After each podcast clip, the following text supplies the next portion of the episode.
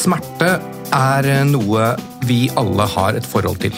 Ehm, Og forskning viser at en veldig stor andel av befolkningen eh, angir at de har eh, en eller annen form for langvarig smertetilstand som plager dem. Det kan være så mye som en million nordmenn, kanskje. Og det betyr at nesten alle som hører på dette, vil enten føle at de har smerte som et vesentlig problem selv, eller de kjenner noen som, som har det. Så i dag skal vi snakke om smerte, eh, som vi syns er noe av det mest spennende innenfor medisin. Og som er noe som renner ned dørene på allmennlegekontorene, der f.eks. Andreas, eh, Andreas jobber, og som er allestedsnærværende i medisinen. Um, Smerte er på en måte også en del av livet. Um, og det er en del av sykdom, som er en veldig ting, viktig ting som, som, um, som gjør at vi kan vite at noe er farlig for oss. Og For å snakke om smerte så har vi fått med oss eh, Silje Reme, som er professor i helsepsykologi eh, ved Universitetet i Oslo, eh, og som er psykolog. Hun jobber på avdeling for smertebehandling ved Oslo universitetssykehus, som i hvert fall jeg syns er eh, veldig eh, høyt nivå på smertebehandlingen ved, eh, når jeg har jobbet som lege. Eh, Hun leder også forskningsgruppe som heter The Mind Body Lab ved Universitetet i Oslo, sammen med eh, Henrik Børsting Jacobsen. Og overordnet så tenker jeg Silje er en av de som kan mest om smerte i Norge, så jeg, er veldig, veldig glad for at du har kommet. Velkommen. Tusen takk. Eh, jeg har lyst til å begynne med et spørsmål, jeg vet ikke engang om du kan svare på det, men begynn på begynnelsen, syns jeg også ofte er bra. Eh, hvor kommer smerte fra? Når i evolusjonshistorien eller universets historie oppsto smerte? Kom, når, når hadde noe et eller annet første gang vondt? Ja, Det var et stort spørsmål. Um, Jeg vil, vel tørre å påstå at det alltid har eksistert eh, på et eller annet nivå. Man tenker jo at eh, man må ha en ganske sånn avansert eh, hjerne for å bevisst oppfatte smerte. Men smerte som refleks og, og impuls ser vi i alle arter. Og det har nok vært helt nødvendig for å sikre vår overlevelse fra tidenes morgen, og det er det fremdeles. Mm. Fordi man kan jo tenke sånn, smerte er jo vondt og ubehagelig og kjipt. eh, Noe i hvert fall de aller fleste av oss forbinder med noe negativt. Så hvorfor kunne ikke, hvorfor kunne ikke bare sluppet smerte? Hvorfor trenger vi det, liksom? Ja, det kan man lure på. Jeg tror eh, det fins jo faktisk noen få eh, hundre mennesker i verden som er født uten evne til å føle smerte. De har en medfødt eh, tilstand pga. en mutasjon som gjør at de ikke føler smerte. Og de går det ofte veldig dårlig med. Så, og det illustrerer jo betydningen av smerte som et signal om at det er noe galt. Eh, at vi trenger å gjøre noe annerledes. Er noe som må beskyttes, eller vi må ta det med ro, eller vi må eh, få, la kroppen hele hvis det er noe som har eh, blitt galt. Mm. Hva skjer er med de som har- ikke kan føle smerte? Ja, De kjenner f.eks. ikke at de har brudd eller infeksjoner eller skader som gjør at de eh, ikke gjør de nødvendige handlingene for at kroppen kan hele seg, eller for at man får nødvendig behandling eller, eller hjelp. Så, så de får ofte langvarige infeksjoner, de kan dø tidlig, eh, og i det hele tatt eh, eh, ja, eh, strever med å eh, leve lange, gode liv, da. Så smerte, smertens funksjon, da, som vi snakker om her nå, er det beskyttelse? Ja, så smerten, eh, smerte er jo et alarmsignal, et varslingssystem som skal varsle om at det er noe som er noe vi trenger å, å rette oppmerksomheten mot. Um, og som, som hele hensikten er å varsle eh, skade, egentlig. Mm. Vi gjør et skille i medisinen mellom den akutte smerten og den kroniske smerten. Er det noe vesensforskjell mellom de to tilstandene? Kunne du sagt litt mer om det? Kanskje begynne med den akutte, da. Ja, den akutte tenker vi jo er eh, adaptiv og viktig og, og sikrer overlevelsen vår og gir oss viktig informasjon. Mens uh, den uh, langvarige smerten den har ikke funksjon på samme måten som den akutte. Uh, og nå er det en dreining i feltet som mer og mer anerkjenner at den langvarige smerten er mer en sykdom i seg sjøl, og har egentlig ganske lite med de mekanismene som er involvert i akuttsmerte å gjøre. Det er veldig interessant, fordi, fordi smerte i seg selv, som vi snakket om i begynnelsen, det, det er egentlig noe bra. Yes det er jo noe vi Det er, til tross for at det er så vondt, eh, noe veldig, veldig bra. Og nødvendig som alle trenger. Og det tror jeg egentlig er en ting som ikke folk har, er, er, nok bevisst. At smerte sånn sett er noe vi trenger og skal være glade for at vi har. Fra naturens side. Men, men også at kronisk smerte, eller det vi kaller kronisk smerte, eller langvarig smerte, egentlig eh, regnes i forskningen som mye mer ubrukelig nå. Altså som noe som ikke er bra, mm. på samme måte. Mm. Mm. Det gjør det. Og um, som jeg sa, så er jo smerte et alarmsystem. Uh, og rent sånn fra naturens side så, det, så, snakkes det ofte om at det er et sånn better safe than sorry-system. Altså det er bedre å, å, varsle alarmen en gang for mye enn en gang for lite. Fordi fordi det er så viktig at hvis vi får en hjernerystelse eller hvis vi brekker brekker et bein eller får et eller annet, en infeksjon, så, så må det varsles. Eh, og Det må komme til bevisstheten vår. at Vi gjør eh, det vi trenger å gjøre. Vi må ligge i ro, vi må eh, hvile, vi må få, la kroppen få, få heles og gro. Sånn at det er et veldig sensitivt alarmsystem. Og det gjør også at noen ganger så kan det faktisk alarmen ringe, selv om ikke det er noe galt og henge seg opp, rett og slett. Og det begynner man å få en enda større forståelse av på feltet nå. Mm. Sånn helt, helt, ned til det konkrete på en, på en akutt skade eller ja, La oss si da at vi eh, faller og brekker armen. Da får man, har vi smertefibre ut i kroppen vår. Um, og så får vi et signal da, uh, gjennom de smertefibrene til, eh, til sentralnervesystemet. Og så videre fra ryggmargen opp til, til, hjernen. Og så går det noen reflekssløyfer og sånn som vi ikke kanskje trenger å snakke så mye om. Men hvis vi skal liksom ha det som et sånt anatomisk utgangspunkt, da, så ender det opp i hjernen. Og det er der vi forstår smerte. Er det riktig å si, eller hvordan vil du sagt det? Ja, eh, så det er interessant. Så, så um, det som skjer ute i, måte, ute i, kroppen, ute i periferien, eh, det kalles jo for nosisepsjon. Det er jo på en måte aktivitet i de her nervecellene, eh, dine sensoriske nervene. Og det er ikke smerte. Det er kun aktivitet som, som trigges av f.eks. en skade eller en stimulering av en slag. Og så går disse nervesignalene til hjernen, og det er først når du kommer til hjernen at det oppleves som smerte. Eh, og da er vi jo i hjernen, og i hjernen så har vi masse områder som, som har andre aspekter ved seg også enn kun det hva skal vi si, fysiske, som kanskje folk kan relatere til.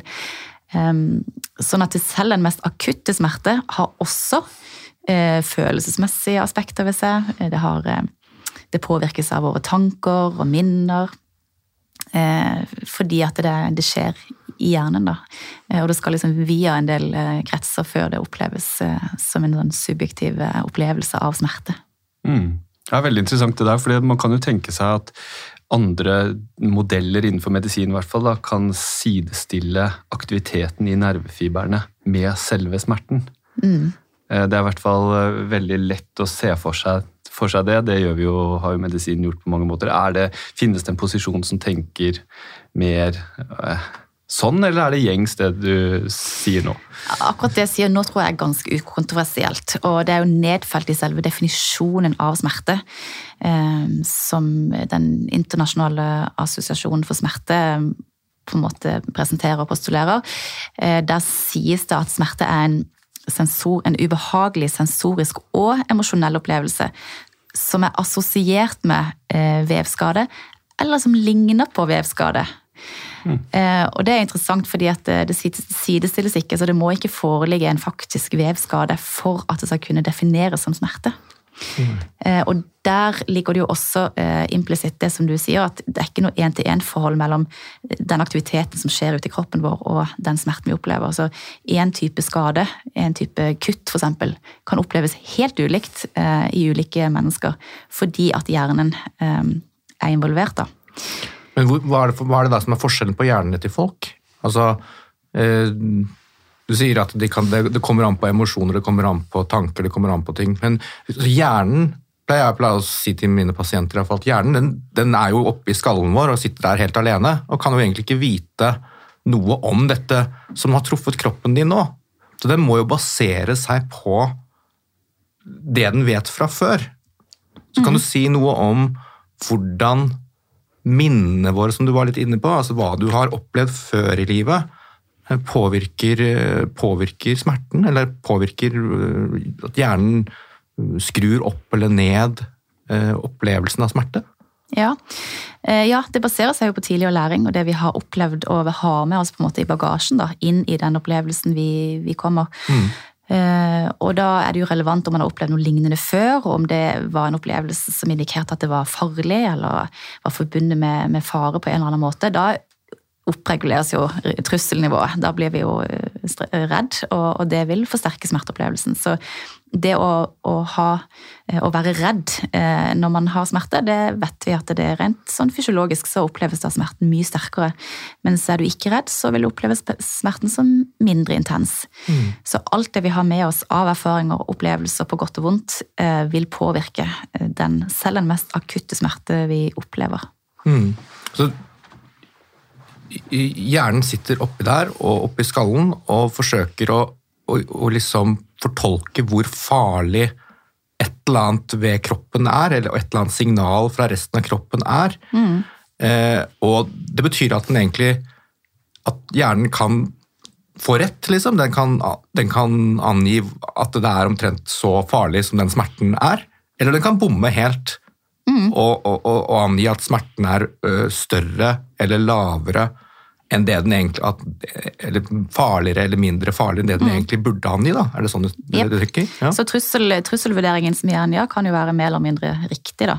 Mm. Eh, og det avhenger jo av masse, masse ting, men, men, det er jo det det handler om. Altså hjernen Vi liker ikke på en måte overraskelser, så hjernen gjør hele tida prediksjoner. Vi ønsker hele tida å være i forkant mm. av alt vi opplever, og også når vi opplever et, et signal fra, fra, kroppen om at her er det noe som er, vi trenger å rette oppmerksomheten mot, så, så vil hjernen forsøke å predikere etter farlig eller ikke. Mm. Når, vi, når, vi, snakker om hjernen, sånn, så er det jo mange som kan tenke sånn Ok, uh, sier de at uh, det, det er, sitter i tankene mine? Men de studiene jeg har lest, som bl.a. du har vært med på, tyder jo på et stor og du bruker jo også fysiologi, altså stor fysiologisk aktivering. Mm. Så det, det, er jo vel ikke isolert til hjernen. Det er, et kroppslig, det er en kroppslig reaksjon vil kanskje jeg si. Jeg vet ikke hva du tenker? Absolutt. Eh, veldig kroppslig. Eh, og det som er på en måte krukset i, i smertefeltet også, som jeg tror som alle er enige om, er at smerte er subjektivt. Og det fins ikke noe objektiv måte å måle smerte på, selv om det stadig kommer folk og tror at de, nå har de funnet opp en duppeditt som skal gi et objektivt mål på smerte, så så går ikke det, altså. Mm. Eh, og det er for komplekst og sammensatt. Og selv på, på måte, genetiske studier så er det liksom Det er ikke én liksom, genetisk variant som kan forklare hvorfor noen får langvarig smerte, mens andre ikke. Det er masse ulike um, gener involvert. Og, um, og, smerte er subjektivt. Så det, det eneste vi har, det er liksom personen sjøl som sier om det er vondt, og hvor vondt det er. Det um, tror vi på. Fordi når vi, vi som har jobbet som leger på allmennlegekontor f.eks., eh, møter pasienter som har vondt og som har smerter, så, så, kan jo den samtalen komme opp når man snakker om disse tingene her.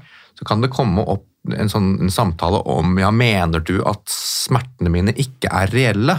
Mm. Altså når vi prøver å forklare at at den ikke nødvendigvis, spesielt ved langvarige smerter, da, ikke trenger å være en skade ved kroppen som liksom står i stil på en måte til, til hvor sterk smerten er, så kan du få den derre ja, Mener du at problemene mine bare er innbilning, eller at smerte er, er ikke, smertene mine ikke er reelle?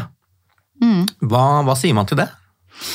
Ja, Det er jo det vanligste vi hører i, mm. i klinikk, er jo pasienter som føler seg ja, mistenkeliggjort og ikke trodd. Mm. Um, og som har hørt uh, leger og andre helsepersonell si akkurat de ordene at uh, Nei, det er ikke noe, er ikke noe galt her, liksom. Det er, Det sitter i hodet. Eh, og det oppleves jo selvfølgelig ekstremt eh, krenkende og vondt, fordi at eh, man har jo smerter og strever og ønsker jo desperat å få det bedre. Og da er et sånn grunn, grunnleggende premiss for at man skal kunne gjøre noe som helst, er jo at man blir trodd. Mm. Um, så, men, men, jeg tror nok at vi rent sånn språklig har noen utfordringer da, for hvordan skal man kommunisere det at ikke det fins en, en, skade, og likevel anerkjenne smerten. Mm. Og der tror jeg noe av nøkkelen ligger da, at eh, man kan gjøre undersøkelser som viser at eh, den skaden du kanskje hadde en gang, eh, etter en operasjon eller etter et, eh, en hjernerystelse eller etter en, eh, ja, en ryggincident, eh, den er hela, den ser helt fin ut. Men samtidig kan du ha smerter. Og det å klare å kommunisere det på en måte som anerkjenner at den smerten er, er reell, mm. og helt sikkert målbar eh, hvis, i, i, i, liksom, i, hjernen at ja, eh, det, vil synes på et røntgenbilde, den også. Det vil synes på et, ja, på et bilde. Ja. Så den aktiverer helt reelle områder i hjernen. Ja, ja. Du har skrevet sammen med Alice Munch, er det mm. første forfatter, så en veldig flott uh, artikkel som jeg i hvert fall ble slått av, hvor, hvor fysiologisk aktivert vi er under visse smertetilstander. Mm. Eh, og hvordan hele kroppen på en måte vil sånn som jeg forsto det, da, eh, vil lyse opp på ulikt, ulikt, vis. Men det som er en ting som jeg tenker er viktig sånn, i den kommunikasjonen der, er jo å si noe om utløsende årsaker og opprettholdende. Altså gjøre den, det skillet mellom, ja. mellom fenomenet akutt, ut, og, og, og det at, eh, at, vi har andre faktorer som gjør at man kan oppleve det samme, eh, men uten den samme type skade. Da. Mm. Det er jo en vanskelig øvelse, men eh, og som du sier, så er det jo nok utfordringer knyttet til liksom ja, jeg vet ikke, Kanskje også utfordringer knyttet til måten smerte konseptualiseres i samfunnet på. altså Mer sånn mm. kulturelt. da. Mm. Men det, det, den distinksjonen har i hvert fall jeg gjort. da. Men eh, når den pasienten kommer inn på kontoret eller på hos deg på, på, klinikken deres, altså, og, og, vi har den samtalen nettopp om at, eh, om at det ikke nødvendigvis lenger trenger å være en, en, noe galt, en, noe farlig ved kroppen, som står i stil til hvor sterk smerten er, eh, så har det jo skjedd noe. Og vi har vært litt inne på det, men den personen har sannsynligvis hatt en akutt smerte i starten og så har det gått tid. Eh, og så nå har vedkommende et som veldig mange av de som lytter vil kjenne seg inn et, et langvarig problem som er blitt et kjempestort hemmende ting i livet. Hva er det som har skjedd på veien der? Kan vi liksom gå gjennom de skrittene litt? Altså, hva er det som skjer i starten? Kan noen, kan noen, kan noen ting påvirke det om det blir et langvarig problem, eller ikke helt i starten også? Mm. For eksempel, for å begynne der, da. Mm. Eh, det kan det, og noen av de samme faktorene som vil eh, forsterke eh, smerteopplevelsen i akuttfasen, er også de samme faktorene som kan være med å forklare hvorfor noen får langvarige smerter, mens andre ikke får det. Mm. Og da er vi over i mitt fagfelt i stor grad, som handler om psykologiske faktorer, det vi kaller for kognitive faktorer, altså hvordan man tenker og resonnerer og sosiale faktorer. Hvordan, hvilken situasjon man er i, um, i, i, den situasjonen. Og det, um, det med at man kommer inn i en situasjon med en bagasje, da. Vi er ikke, vi er ikke liksom en med blank eh, tavle i møte med f.eks. smerte eller eh, stress eller utfordringer. Eh, den bagasjen vi kommer inn i disse situasjonene med, vil påvirke hvordan det går og forløpet videre. Mm. Så i, for, i, forhold til um, akutt smerte, f.eks., så vet vi at uh, angst, hvis du blir redd, uh, vil være med å forsterke uh, smerteopplevelsen. Mm. Og det er også en faktor som kan bidra til å øke sannsynligheten for at smerten blir langvarig. Hvis du er, strever med mye angst eller er mye redd, mm. eller har en, en, en, fortolkning av smerten som noe farlig og skadelig. Mm. Ja, Det siste der syns jeg er veldig interessant. Det resonnerer godt med hvordan jeg tenker det er i klinikken også. Hvis det gir et inntrykk av at noe er farlig eller skaper en sånn negativ eh, utsikt da, for deg som menneske. Og Det kan jeg kjenne godt på selv også. Jeg har hatt en skade nå i en skulder. Og det har vært knyttet, Mye av den smerteopplevelsen har vært knyttet nettopp til det tapet av, for min del, da, mulighet for å drive med idrett. Eh, og så kom jeg til en flink fysioterapeut som sa nei, du kan bare spille tennis så mye du vil. Eh, Og det, da opplevde jeg selv at den smerten den ble mindre viktig. Altså Det betydde mindre for meg. Og da tenkte jeg ikke så mye på den, og så fikk jeg mindre vondt. da. Hvorfor er det? Altså, det betyr at en person har sagt til Andreas noe som, er, som endrer liksom hvor viktig den smerten oppleves. Kan det også gjøre at smerten blir borte eller mindre? Den kan faktisk det. Eh, Det var en veldig interessant studie nettopp som ble gjort, hvor de, eh, hvor de tok en, en metallrør som var så kaldt, eh, iskaldt, og, og berørte nakken til forskningsdeltakerne. Og så hadde de så kort stimulering at du kan ikke kjenne om det er kaldt eller varmt. Du vet når Det er, liksom så, det er så kort tid at du, du, du vet ikke er det kaldt eller varmt. Og så um, sa de til halvparten av deltakerne dette var varmestimulering, dette var varmt, glovarmt. Så sa de til halvparten, andre halvparten dette var kulde. Det var kaldt rør. Og de som trodde, fikk en forståelse av at det var varmt, de rapporterte mye sterkere smerte. Mm. Eh, gjennomgående. Eh, og det er jo vist i en rekke lignende forsøk at eh, fortolkningen vår, altså som handler om de kognitive aspektene, altså det tankemessige eh, Hvis vi tror at det er farlig, eh, så påvirker det faktisk smerteintensiteten, men også eh, de aspektene som eh, du snakker om, Andreas, som eh, i forhold til hvor plagsomt eller hvor viktig det er, den på en måte affektive delen, motivasjonsdelen av smerten. Um, mens eh, hvis man får en annen forståelse og, og blir trygg på at ok, det er, det er kanskje plagsomt og vondt, men det er ikke farlig på samme måten, så demper det disse delene av smerten. Jeg tenker litt sånn til, til medisinen og psykologien også, fordi vi har jo da en tendens hatt opp igjennom, hvert fall, historisk, til å si at ta, altså, du må ta det med ro i en akutt fase. Og Det kan være alt fra ryggsmerter, som et sånn ganske viktig, til også hjernerystelser. og altså At man blir hele tiden bedt om å, om å beskytte seg med hvor det implisitt sier at hvis du gjør og kanskje også eksplisitt også, hvis du pusher det nå, så kommer du til å få det verre. Har jeg tenkt da. Så medisinen, i hvert fall når det gjelder ryggsmerter, har jo snudd nå. Hvor det er om å gjøre å komme tilbake raskest mulig. Og man sier at smerte ok, det er ikke så farlig i den fasen der. Det er viktigere at du er, kommer tilbake så, så fort det lar seg gjøre. Så der har vi jo en stor makt, tenker jeg. Ja, og det er ikke så rart at man tenkte hvis du har vanvittig vondt i ryggen, så bør du ta det med ro og legge deg ned i senga. Og sengeleie var jo på en måte den vanlige behandlingen inntil på 90-tallet. Um, men det var ingen som hadde egentlig tenkt over, og det, var så, det virka så fornuftig at man tenkte at man trengte ikke nødvendigvis studier for å se om det var det. Og så var det en som gjorde en studie hvor du tilfeldig fordelte folk til enten sengeleie eller til å holde seg med normal aktivitet og oppmuntre til å forsøke å bevege seg rundt. Um, og så fant de ut at de kom seg jo mye kjappere og mye bedre. De, de, som, de som ikke lå i senga, men som heller bevegde seg og, og forsøkte å um, være i aktivitet, de, eh, de kom, der gikk smerten over fortere, og de kom raskere tilbake til jobb og til livet. Eh, og det ble publisert i verdens beste medisinske tidsskrift, og har jo forandra praksis siden. Så det er ikke alltid at det mest eh, fornuftige og det som virker mest logisk og intuitivt, nødvendigvis er det rette. Og der tror jeg at um, um, at smertefeltet også er i stor utvikling, og det skjer, eh, det skjer ting som gjør at vi, vi ser at det som virker mest intuitivt, det gjør vondt, vi må unngå, vi må legge oss ned og, og ta det med ro, ikke alltid er det beste. Men samtidig så er jo det smerte er til for, som vi snakket litt i starten, det er jo det er en beskyttelsesmekanisme. Det er jo noe som sier nettopp 'nå skal du være i ro', ikke gjør det der. Fordi, fordi det skal beskytte oss for, smerte, for, skade, for videre skade, da.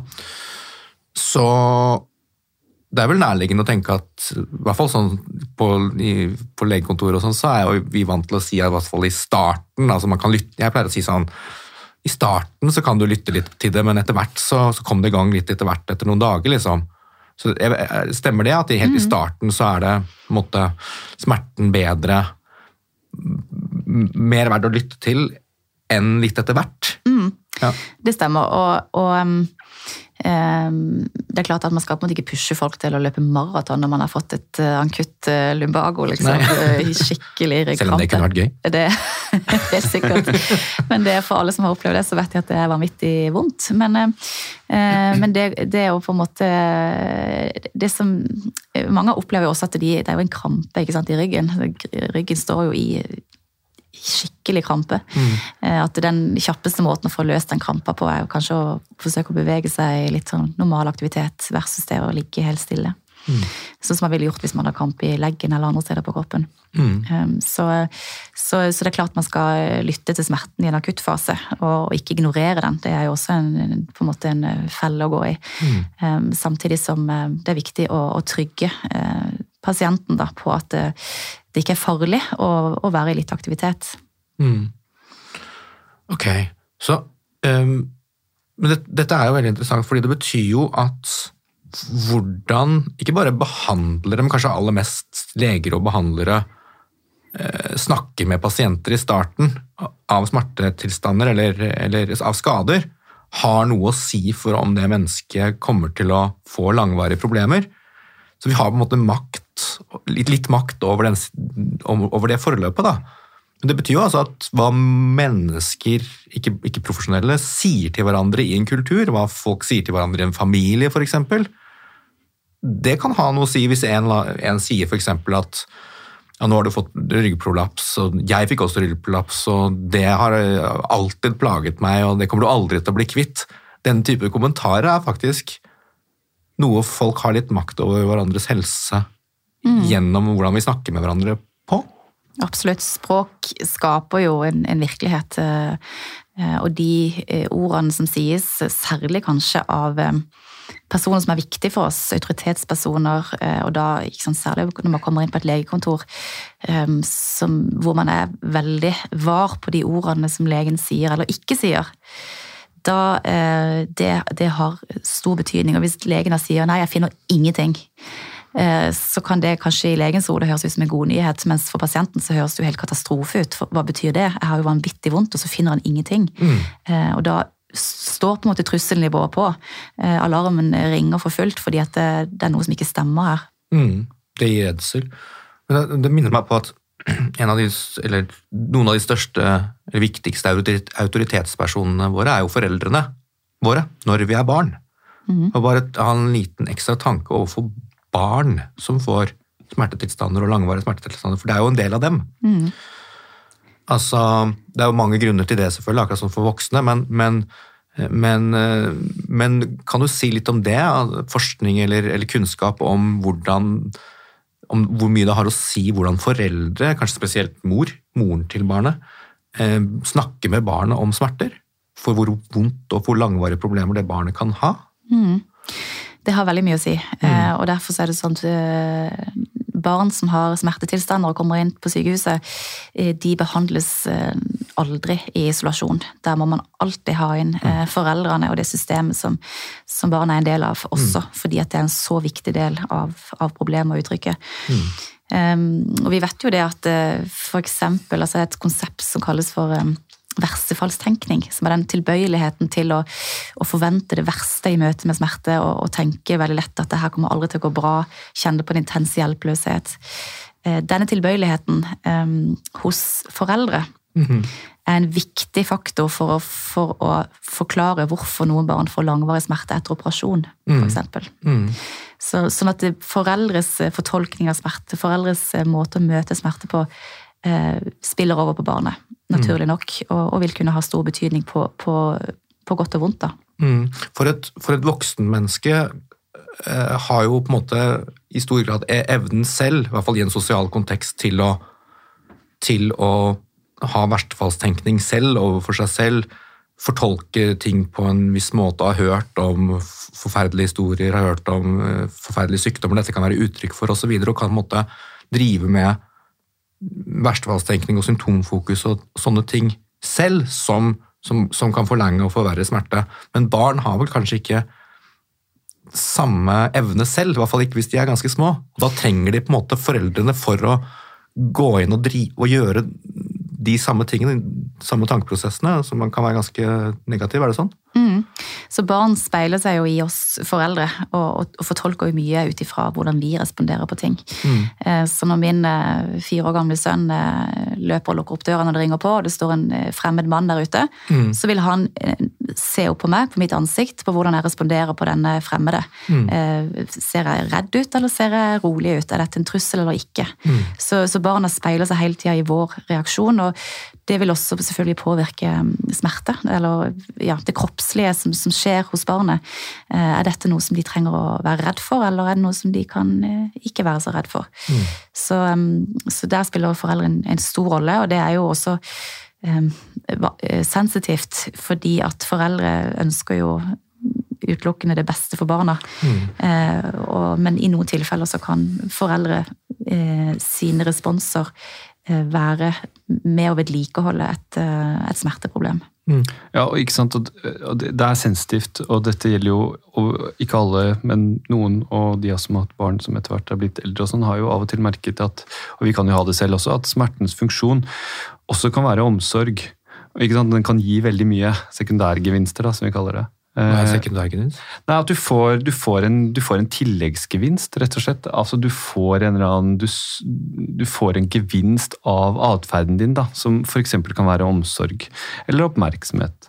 Mm. Eh, og da, da tenker jeg jo ofte at når vi snakker liksom om oppdragerrollen her, at det å, å veilede barnet til å uttrykke seg på en god måte. Ok, det er smerte du uttrykker, men er det egentlig det du snakker om? Eller er du lei deg, eller er det noe som måte hjelper barnet litt på vei da, eh, til å, til å fortolke symptomene sine, sånn at man kan komme litt videre. Mm. Absolutt. Barn har et også mindre språk for følelser. Mm. Det kommer jo eh, ofte litt seinere, sånn at det, når de opplever et uh, ubehag eller blir redd eller lei seg eller et eller annet skjer på, på følelsesplanet, så vil det ofte oppleves som kroppslige symptomer. Ofte vondt i magen eller vondt i brystet eller vondt i hodet. Så eh, det er en hårfin grense å skille også hva jeg var. Um, Men der er det også et veldig godt hjelpeapparat som kan hjelpe både barn og foreldre eh, i møte med denne type problemer. Men, men igjen så blir det jo litt sånn da foreldrene, eller, eller helsepersonell for den saks skyld, som hvis du blir, blir veldig opptatt av det. Hvor vondt har du i dag? På en skala fra 1 til 10, hvor mye smerte har du nå? Hvor mye, hvor mye plager de magesmerten deg nå, eh, barn på fem år? Så blir jo det eh, Forståelsen vår blir jo da at dette er noe veldig viktig. Altså foreldrene våre, eller de autoritetspersonene våre, tenker, snakker til meg om dette hele tiden, så det må jo være veldig veldig viktig. Mm. Og da får jo smerten kanskje en større Ja, den blir ansett som mer viktig, da. Mm. Og dermed blir den sterkere. Yes. Uh, ok, så nå har vi snakket litt om hvordan smerte kan bli, begynne å bli langvarig etter at den har vært akutt. Mm. Er det liksom de samme mekanismene eller samme tingene som fører til det i starten av den kronifiseringen, som de kaller det, eller det at det blir langvarig, eller er det de samme faktorene som er der i starten, som også holder det ved like over år? For det kan de jo gjøre. Mm. Er det, vet vi noe om det? Ja, og her er det jo mye vi ikke vet, det må jeg jo bare også si. da. Men, eh, men vi vet jo at en del av de psykologiske faktorene som jeg nevnte, angst f.eks., depresjon, veldig viktig eh, prediktor eller en risikofaktor.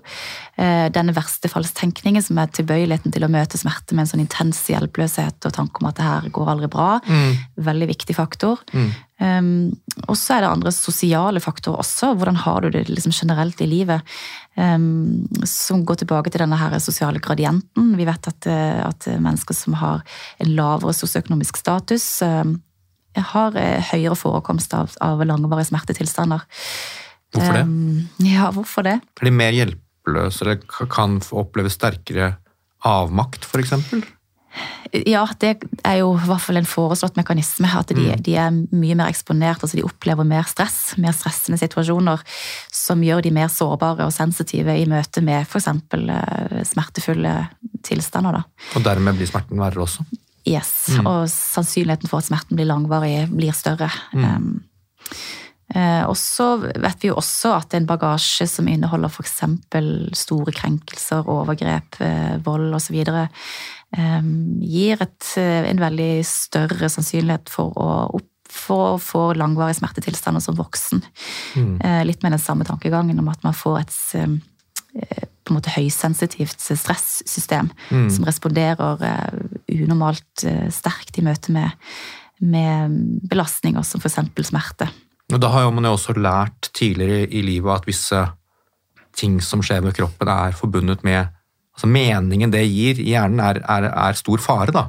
Stor utrygghet, Ja, som da, som da øker Som øker trusselnivået veldig lett og veldig fort. Man har lært at det, ting er ikke trygt og godt, og det må være på, på vakt hele tida. Det, det, gjør, det påvirker også i møte med, med smertefulle eh, episoder. som Og det kan jo ha vært hensiktsmessig i evolusjonen, i Yes. naturens En gang så gir det mening at et sånt menneske som, opp, som kanskje vokste opp i et veldig farlig miljø, er litt sånn på høyalerten. Ja, de har antagelig trengt det. Hvis du, hvis du eh, vokser opp og lever i et voldelig hjem, eksempel, hvor du utsettes for overgrep, så trenger du å være i beredskap hele tida. Mm. Men som voksen, eh, i møte med vanlige muskelsmerter, så trenger du kanskje ikke det. Nei. Men der reagerer systemet på en måte som øker sannsynligheten for at det kan bli langvarig. Altså, Vi snakker jo nå om, om en del begreper innenfor psykologien og også medisin. Vi har snakket om hjelpeløshet, håpløshet, mestring eller coping, kanskje det kan oversettes med. Og så snakker vi om negative forventninger, eh, nocebo-effekten, som jo Henrik og jeg også har vært veldig, veldig opptatt av. Kunne du bare sagt noe kort om, om disse fire begrepene? Ja, eh, kanskje det som samler det mest, er jo forventninger, da. Mm. Forventninger, og eh, det Jeg tilhører en tradisjon som, eh, som eh, har en, en forståelse av stress som eh, hvor, hvor forventninger er veldig sentralt. Forventninger, det, som jeg sa, hjernen liker ikke overraskelser, vi liker å være i forkant, så vi gjør på en måte antakelser eller såkalte prediksjoner, da, som egentlig er forventninger om hva som kommer til å skje. Det gjør vi hele tida. Um, og disse forventningene regulerer stressresponsen. Sånn at vi, når vi opplever noe som gir eh, stress, altså en belastning av en eller annen slag, um, så kan vi møte den enten med å tenke at eh, oi, dette var tøft, men eh, det kommer til å gå bra. Det vil være definisjonen på mestring, en mestringsforventning. Opplever du en hjelpeløshet, at det her aner ikke noen ting, har ingen kontroll, vet ikke hvordan dette her kommer til å gå, så er du inne i på en måte hjelpeløshet. Og tenker du at eh, det her kommer helt sikkert til å gå dårlig, så er vi inne i håpløsheten. Mm. Og de, de siste jeg nevnte nå, hjelpeløshet og håpløshet, det er jo på en måte såkalte negative forventninger. Og det, det har vært vist, det har vært vist på tvers av arter, egentlig, helt ifra de mest enkle organismer til de mest avanserte hjerner, så viser det seg at disse forventningene regulerer stressresponsen, styrer hvorvidt den aktiveringen som skjer rent kroppslig, hvorvidt den blir eh, langvarig eller ikke. Og vi tror at den langvarige aktiveringen kan være negativt og kan bidra til f.eks. utvikling av langvarige smerter. Sånn at eh, biologien vår, for det er jo vi opptatt av at det, når, når vi snakker om ting som er psykologiske og sosiale i denne sammenheng, så er de også biologiske. Og stress er jo en, eh, som vi har snakket om i en tidligere episode, er, er jo et biologisk fenomen. Men det, det, dette er jo superinteressant på den måten at våre biologiske reaksjoner, altså våre, hvor høy pulsen vår er, hvor mye stresshormoner det er i blodet, hvor mye, hvordan, til og med hvordan immunforsvaret funker, er ikke avhengig av bare det som skjer med oss her og nå, og fortolkningen av det, men av hjernens forventning om hva som kommer til å skje. Det er jo egentlig noe vi kjenner igjen hele tiden. Eh, Fra hvor vi, når vi, skal, vi vet at vi skal på scenen for eksempel, og holde en tale, så, så går jo pulsen opp. Det har jo å gjøre med vår forventning om hva som kommer til å skje da, og forberedelser til hva som kommer til å skje. Men jeg tror likevel det er litt sånn kontraintuitivt for folk. altså at det, det det betyr at ting som smerte kan påvirkes, påvirkes av ting som ikke er skjedd ennå, på en måte. Ja, absolutt. Av hva vi tror kommer til å skje. Ja. Og hvis du tenker på depresjon, så er jo det på en måte den ultimate hjelpeløsheten og håpløsheten. Da forventer man jo det verste, og ting oppleves jo håpløst, og man har ikke noe håp om framtida, og, og kjenner på en måte på veldig mye negative forventninger. Um, og depresjon er jo både en faktor som er vist å, å øke sannsynligheten for at man får langvarig smerte, godt dokumentert. Um, men det er til og med også vist i, i studier av kreft, f.eks.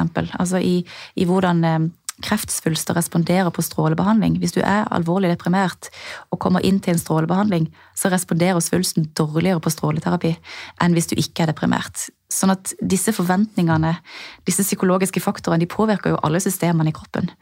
Um, ikke bare nervesystemet, men også immunsystemet, endokrinsystemet osv. På godt og vondt. Mm. De, er over hele linja ser vi dette. Jeg har vært opptatt av idrettspsykologi. og, og Nocebo-effekten i, i, idrett er jo også kjempesterk. Jeg synes Du har en negativ forventning til ditt eget resultat eller prestasjon. Så spenner du deg av de samme mekanismene som Henrik snakket om, og dere snakker om stress, altså hvor hele stressapparatet står og pumper litt sånn uhensiktsmessig. Og så har man faktisk dårligere resultater som, kan, altså, som kan tilskrives bare den negative forventningen til, til um, et utkomme. Da. Mm. Jeg, tenkte på, jeg tenkte på det du sa om depresjon. Fordi dette er jo en kjepphest som jeg har, og som vi har snakket om før. altså Det skillet mellom å snakke om fysiske og psykiske mm. symptomer. Eh, og, og eh, mange vil jo da oppfatte eller snakke om den smerten eller den det du opplever når du er deprimert, som et psykisk symptom, eller som en psykisk smerte. Eh, mens hvis vi slår beinet og, og merker at det er vondt, kaller, eller, eller, hvis vi har vondt i ryggen over, over lang tid, f.eks., så Eller Andreas sin berømte skulder, så, eh, så vil vi kalle ofte det for en fysisk smerte. Kan du si noe om hvordan du tenker rundt det skillet mellom fysisk smerte og psykisk smerte, eh, og hva forskningen sier om likheter og forskjeller mellom det vi kaller fysisk og psykisk smerte? Ja, vi, vi, har jo et eh, språklig problem. Vi er jo på en måte prisgitt det språket vi har. Mm. Eh, og det må vi på en måte forholde oss til. Men det er selvfølgelig meningsløst å tenke at det er et sånt skille. Mm. Um, selvfølgelig. Og um, det å snakke om på en måte fysisk altså psykisk smerte er jo noe som vi også ikke liker. Altså, av og til gjør vi det fordi at det, vi, må, på en måte, vi, må, vi må kunne på et eller annet vis skille mellom smerten du får hvis du slår deg i foten, eller kjærlighetssorgen og smerten du kjenner da. Eh, men, men i bunn og grunn så er all smerte både liksom altså Det er en integrert opplevelse som påvirker, som er både fysisk og psykisk, da, for å bruke de eh, språklige begrepene. Mm. Um, så, og den biopsykososiale modellen som jo nå har på en måte inntatt størst, store deler av helsevesenet generelt, eh, har vi også en begrensa forståelse av. tenker jeg, eh, Hvor man tenker at liksom, ja, det er psykologiske faktorer som påvirker eller konsekvenser, men, men, det er jo mye mer integrert enn som så. Mm. Eh, og det å forstå på en måte kroppen og hjernen som et resultat av åpne, adaptive systemer som interagerer med hverandre.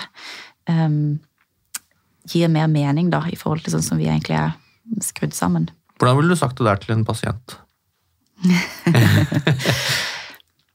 Hvis pasienten hadde sagt at liksom, smerten min er fysisk og ikke mm. psykisk. Ja, det er Ofte så hjelper det å snakke om eh, konkrete eksempler, som f.eks. fantomsmerter. Mm.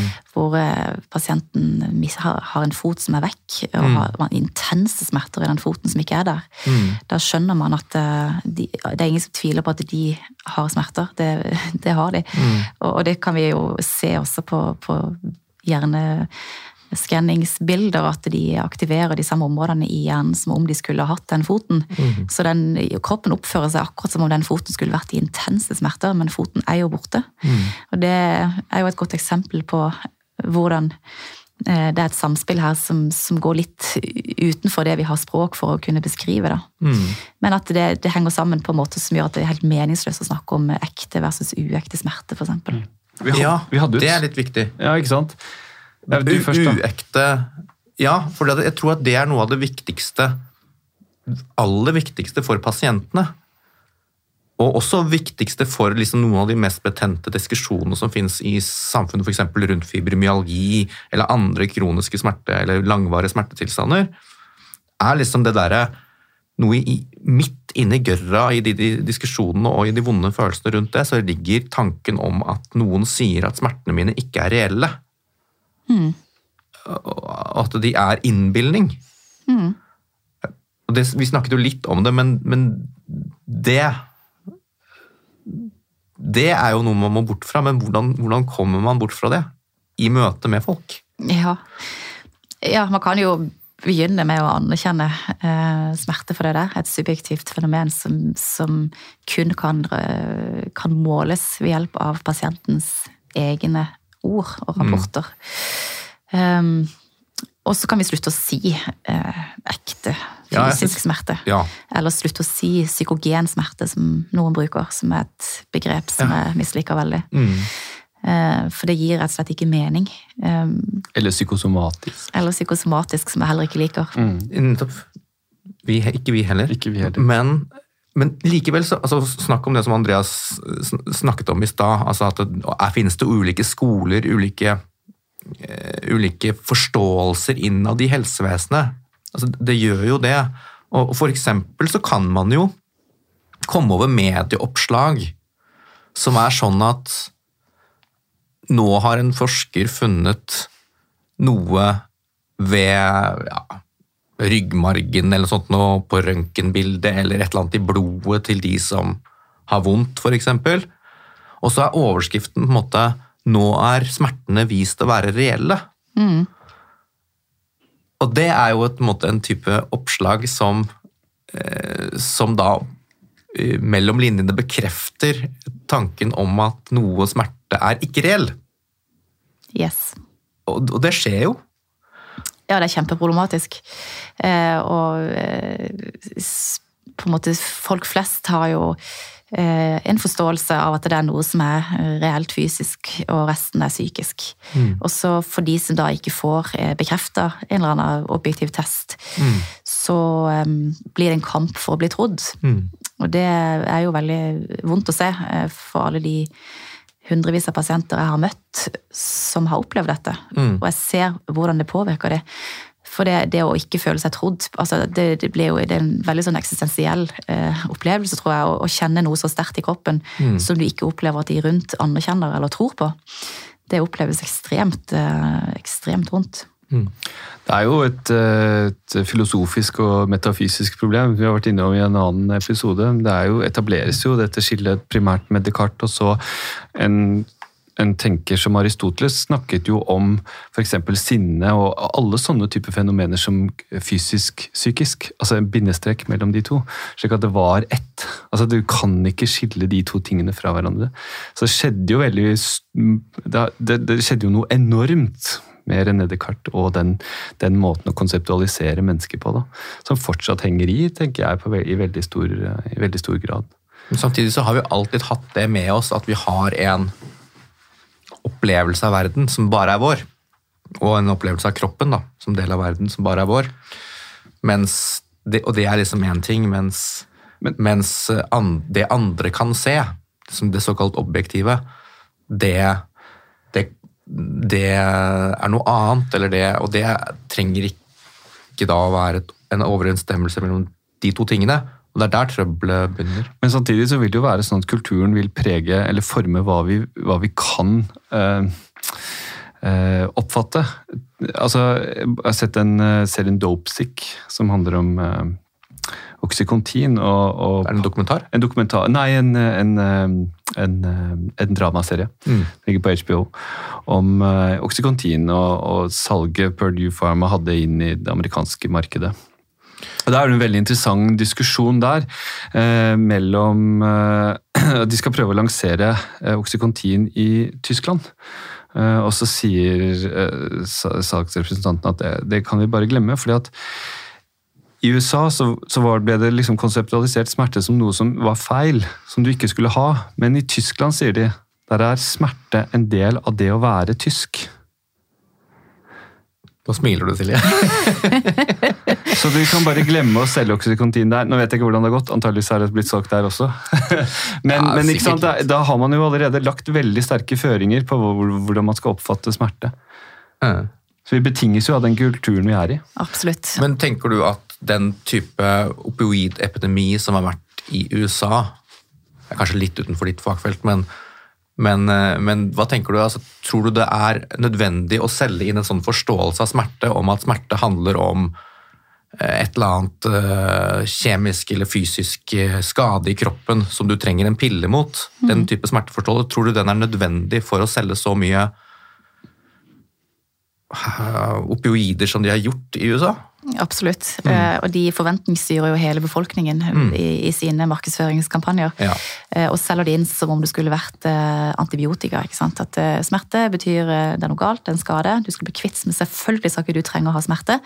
Eh, Her er en pille, så du kan bli kvitt smerten. Eh, Og det er jo interessant fordi at eh, eh, disse, egentlig alle medikamenter for, for smerte, langvarig smerte, er jo ingen kurativ behandling. Det er ingenting som kurerer smerten. Det blir på en måte en symptomlindring. Og for noen, og jeg vil si veldig få egentlig, så har det en, eh, en god effekt. Eh, Og det skal vi heller ikke glemme, at Nei. for noen så kan medikamenter være en, en viktig hjelp, og iallfall et viktig supplement til mm. å håndtere langvarig smerte.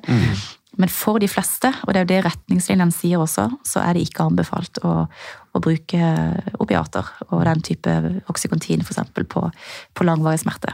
Mm. Vi skal snakke litt eh, om måte, hva man kan gjøre litt på slutten her, men bare før vi gjør Eller hva, hva, kan, hva folk kan gjøre selv, og hva behandlere kan gjøre. Men, men bare før, før det, så litt tilbake til det vi snakket om i stad, altså likhetene mellom smerte og andre symptomer. Eksempel vi snakket om eh, det vi noen kaller psykisk smerte, altså smerten man føler ved en depresjon f.eks. Men det finnes jo mange andre symptomer i helsevesenet som dominerer, som er veldig vanlige altså ved siden av smerte. F.eks. utmattelse eller fatigue. eh, Øresus eh, ja, ikke sant? Flere opplevelser av kroppen som, som kan være vedvarende og veldig hemmende. Store helseproblemer. I hvilken grad tenker du at den kunnskapen eller den forståelsen du har gitt eller, av smerte nå, kan overføres, så at vi kan forstå andre symptomer litt på samme måte? Eh, Det er mye likheter, mm. og det snakkes det mye om i feltet også, at det er store, store likheter på samme måte som, eh, som smerte. At uh, alarmsystem så er jo også utmattelse det, Eh, og på samme måte kan den alarmen henge seg opp. Uh, Og, og de symptomene som du beskriver nå, de, de formes og styres i stor grad av våre forventninger og våre antagelser og hva vi på en måte ja, har med oss i bagasjen når vi, når vi møter den type symptomer. Så, så det er stor, eh, stor grad av overlapp, og det ser vi jo også i, rent i, i personen selv. altså i Personer som har langvarig smerte, de har også ofte langvarig utmattelse, og motsatt. eh, Pasienter som strever med, med kronisk utmattelse, har også ofte smerte mm. som plage. Mm. Så hører det til sjeldenheten at de har én av ett symptom, egentlig? Det hører til sjeldenheten. Når ting har vart lenge, så er det ofte det vi kaller for komorbiditet, som handler om at det er flere ting. Eh, Og smerten på en måte generaliseres, og, og eh, man har også andre symptomer som, eh, ja, som, som samvarierer, da.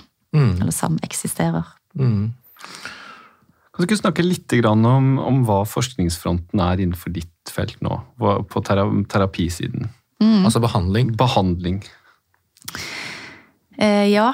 ehm, eh, det som jeg opplever som er forskningsfronten, er at eh, langvarig smerte eh, i stor grad um, regnes å være en, det som man kaller for en, en brain disorder, eller brain disease, en, en sykdom i hjernen, og eh, i, som i liten grad involverer på en måte resten av kroppen.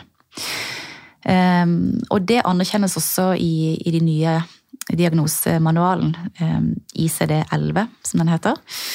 Eh, Der eh, har det kommet en ny klassifisering av smerte, hvor eh, den første kategorien kalles for primary pain. Og det er smerte hvor man ikke har noen, eh, noen kjente mekanismer som kan forklare liksom, eh, smertene, i motsetning til f.eks. nevropatisk smerte, hvor, man, hvor det er en, en, en eh, nerveskade som, som i hvert fall delvis er ansvarlig for å gi den smerten. Så har man i, i primary pain, i primær smerte, så har man ikke en kjent mekanisme. Og det vil typisk være fibromyalgi eller altså, eh, utbredte smerter. Eh, langvarige ryggsmerter osv. Og, så, så akkurat den biten er ukontroversiell, for liksom, den er vedtatt, og sånn, sånn klassifiseres alle smerter nå. All langvarig smerte. Eh, men akkurat i forskningsfronten så er det en, en, en viktig forskningsgruppe i USA som har eh, sett på utviklingen fra akutte til langvarige ryggsmerter særlig. Da har de tatt bilder, eh, FMRI-bilder av hjernen for å se hva er som skjer i hjernen eh, etter hvert hos de som utvikler langvarige smerter versus de som ikke utvikler langvarige smerter. Um, og nå har vi en ganske så god forståelse av hvilke nettverk som er aktivert i hjernen når man opplever akutte smerter. Hvilke liksom, områder osv. Det er ikke ett smertesenter som man trodde i gamle dager. Det finnes flere, altså det snakker mer om nettverk. Mm. Så ser de det at hos de som utvikler langvarige smerter, så um, så forskyves de nettverkene som prosesserer den langvarige smerten, vekk fra de nettverkene som prosesserer akutt smerte, men mer i, i, retning av de nettverkene som prosesserer eh, eh, emosjonell stimuli, så type angst og depresjon, og de mer følelsesdominerte eh, nettverkene. Mm. Eh, og også nettverket som er involvert i hukommelse. Mm. Sosial interaksjon også, eller? Har det noe å si? Altså at, at, Det er jo ikke en hjerne som sitter bare helt alene oppi der. Den, den, er jo i en sosial kontekst, så, så har det også noe som kan synes på røntgenbildene? Det Akkurat sosial interaksjon vet jeg ikke om syns på røntgenbildet. Sosial interaksjonssenter. Men det må, det må, det nesten gjøre? Jo, jo all den tid at sosiale interaksjoner har noe å si, så bør det jo absolutt, tenke det. Mm. Absolutt. Det vil selvfølgelig være en, en viktig del av det. Mm. Um, men, men, poenget er at uh, det, hos de som får langvarige smerter, da, så er det et helt annet nettverk som er involvert. Ja. enn uh, for er ikke sensorisk cortex involvert i det hele tatt. Og sensorisk cortex er den som oppfatter lokalisasjon og karakteristikker ved smerten. Ja. Så, så, den er ikke involvert i det hele tatt i å, i å prosessere langvarig smerte. Så man ser på en måte fysisk i gåseøyne på bildene at det ikke er noe samsvar mellom Dårlig samsvar i de langvarige smertene mellom hvor, eh, hva, som hjernen, hva, som skjer i hjernen, som gir smertene, mm. og skaden et annet sted i kroppen. Yes. Det er dårlig, absolutt. Og, og det de snakker om, fordi at eh, nettopp eh, limbiske strukturer som er involvert i hukommelse og viktige, sentrale for, for læring, mm. eh, ser ut til å være så viktige i, eh, og er så viktige i langvarig smerte. Eh, så snakker de om at eh, det er akkurat som at hjernen har liksom husker smerten som om den var akutt. Mm. Eh, så det er akkurat som et minnespor som har liksom satt seg fast. da. Mm. Eh, så hjernen har av en eller annen grunn eh, lært det så sterkt, og husker den smerten som var akutt, mm. så sterkt. Selv om skaden er hela for lengst, mm. så vil det minnesporet sitte igjen i hjernen. Og det finner de på en måte holdepunkter for da, i sine studier. Mm. Og I forlengelsen av det så er det utvikla behandlinger for å forsøke å eh, Det som de kaller for eh, altså en refortolkning av hva smerten betyr. Mm. Hvor de kommuniserer dette til pasienter og, og forklarer de Her ser vi på bildet ditt at det, du har en smerte som er høyst reell, for vi ser det jo på bildet. hvis mm. man bruker mm. måte bruker den innfallsvinkelen. Men den signaliserer ikke lenger skade. Det er hjernen som har på en måte hengt seg opp i et minnespor som, som gjør at den tror at det er en skade, men det er ikke en skade. Ikke lenger fare? Ikke, ikke fare. Så, så, de på en måte får eh, ned trusselvurderingen, og så bruker man andre psykologiske tilnærminger og teknikker for å komme tilbake til mer et verdibasert eh, liv og, og, og på en måte være mer, leve mer i tråd med det som er viktig. Eh, og der har de vist veldig stor effekt. Altså det å ta tilbake livet, på en måte? Mm. Litt Å jobbe mot smerten og ta imot altså Ikke helt høre på smerten lenger, men å ta tilbake livet litt? Er det mm. det det går på? Yes. Ikke la smerten styre livet. Først ha i, i, i bunn et premiss om at det, den smerten som jeg kjenner, den signaliserer ikke skade eller fare. Mm. Så du får ned trusselvurderingen. Eh, og så parallelt jobbe med å finne ut hva, hva, og hvem er viktig for deg, og hvordan kan du leve et liv i tråd med det, og ikke et liv styrt av eh, smerten. Mm. Dette er jo eh, så, så, noe av det viktigste dere gjør når dere driver med deres smertebehandling på smertemedisinsk avdeling, f.eks. på, på Ullevål sykehus, er egentlig å lære bort de tingene vi har snakket litt om i dag. Yes. Mm, sånn at folk forstår det. Mm. Og så har vi selvfølgelig en stor verktøykasse av ulike teknikker man kan bruke ja. for, å, for, å, oppnå det, og et team av tverrfaglige profesjoner som jobber sammen. Men det starter med denne forståelsen? Altså yes, det starter, starter med, med opplæring? Mm. mm. Som kan kokes ned til at det er ikke representerer ikke en fare. Riktig. Ikke sant? Og det samme, Jeg vet at du kanskje syns at den var litt uh, too good to be true, men den, den, studien fra Colorado, var det ikke mm. det? Som, som uh, intervensjonen gikk på at man trygget uh, pasienter med kroniske ryggsmerter på at de kunne ikke gjøre noe galt, de kunne ikke skade kroppen ved å være i bevegelse, sånn som jeg forsto den.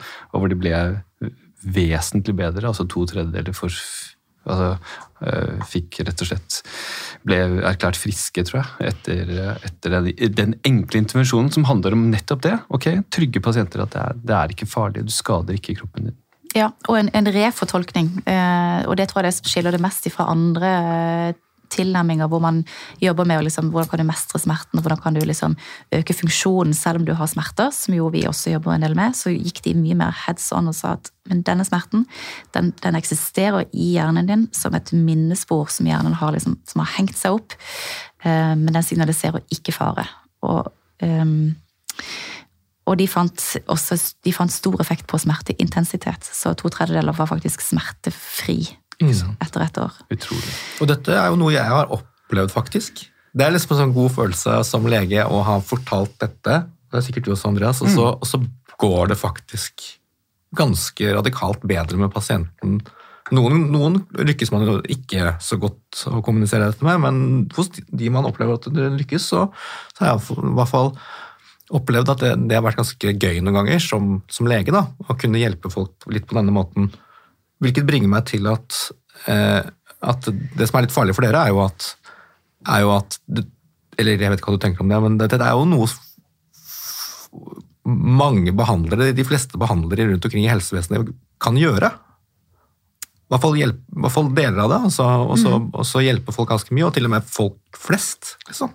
Kan du tenke på disse tingene? Yes, de kan det. Og så er det også viktig, altså det, det, er litt lett å trå feil også. Så det er også viktig at man ikke hopper for raskt til den konklusjonen og bare forteller folk som har det fryktelig vondt at det, ja, men det er ikke farlig. Eh, det kan virke veldig provoserende. Mm, mm. Så det må stå i en kontekst, og det må selvfølgelig ligge eh, et premiss til grunn som er en grundig medisinsk undersøkelse. Mm. Derfor tenker jeg at også det tverrfaglige er så sentralt her. Mm. For du må ha den der grundige eh, gjennomgangen av, av på en måte alle undersøkelser som er gjort, og funn, og en undersøkelse av kroppen, og der det er vondt, for å være sikker på at det ikke er noe som skal behandles på en annen måte. Og så har du det teamet da, som kan gå inn og, si, og, og, kommunisere dette på en måte som ikke bare gjør at den bevisste delen av deg skjønner det, men også den der prebevisste. For dette her, det er mange som, pasienter som har sagt til meg ja, men jeg vet jo at det er ikke farlig. Men så kommer det opp senere samtaler. Ja, men det må jo være noe som er, det må jo være et eller annet, liksom. Så det, en del av det, og kanskje til og med det prebevisste, det som er utenfor vår bevissthet, eh, kan ha denne trusselvurderingen. Så alt som kan bidra til å redusere trusselvurderingen, om det er meditasjon eller hypnose eller fysisk aktivitet eller samtaler eller uh, trening eller fysioterapi eller hva det måtte være, uh, det vil kunne bidra til å nå det målet som uh, virker veldig bra. Mm.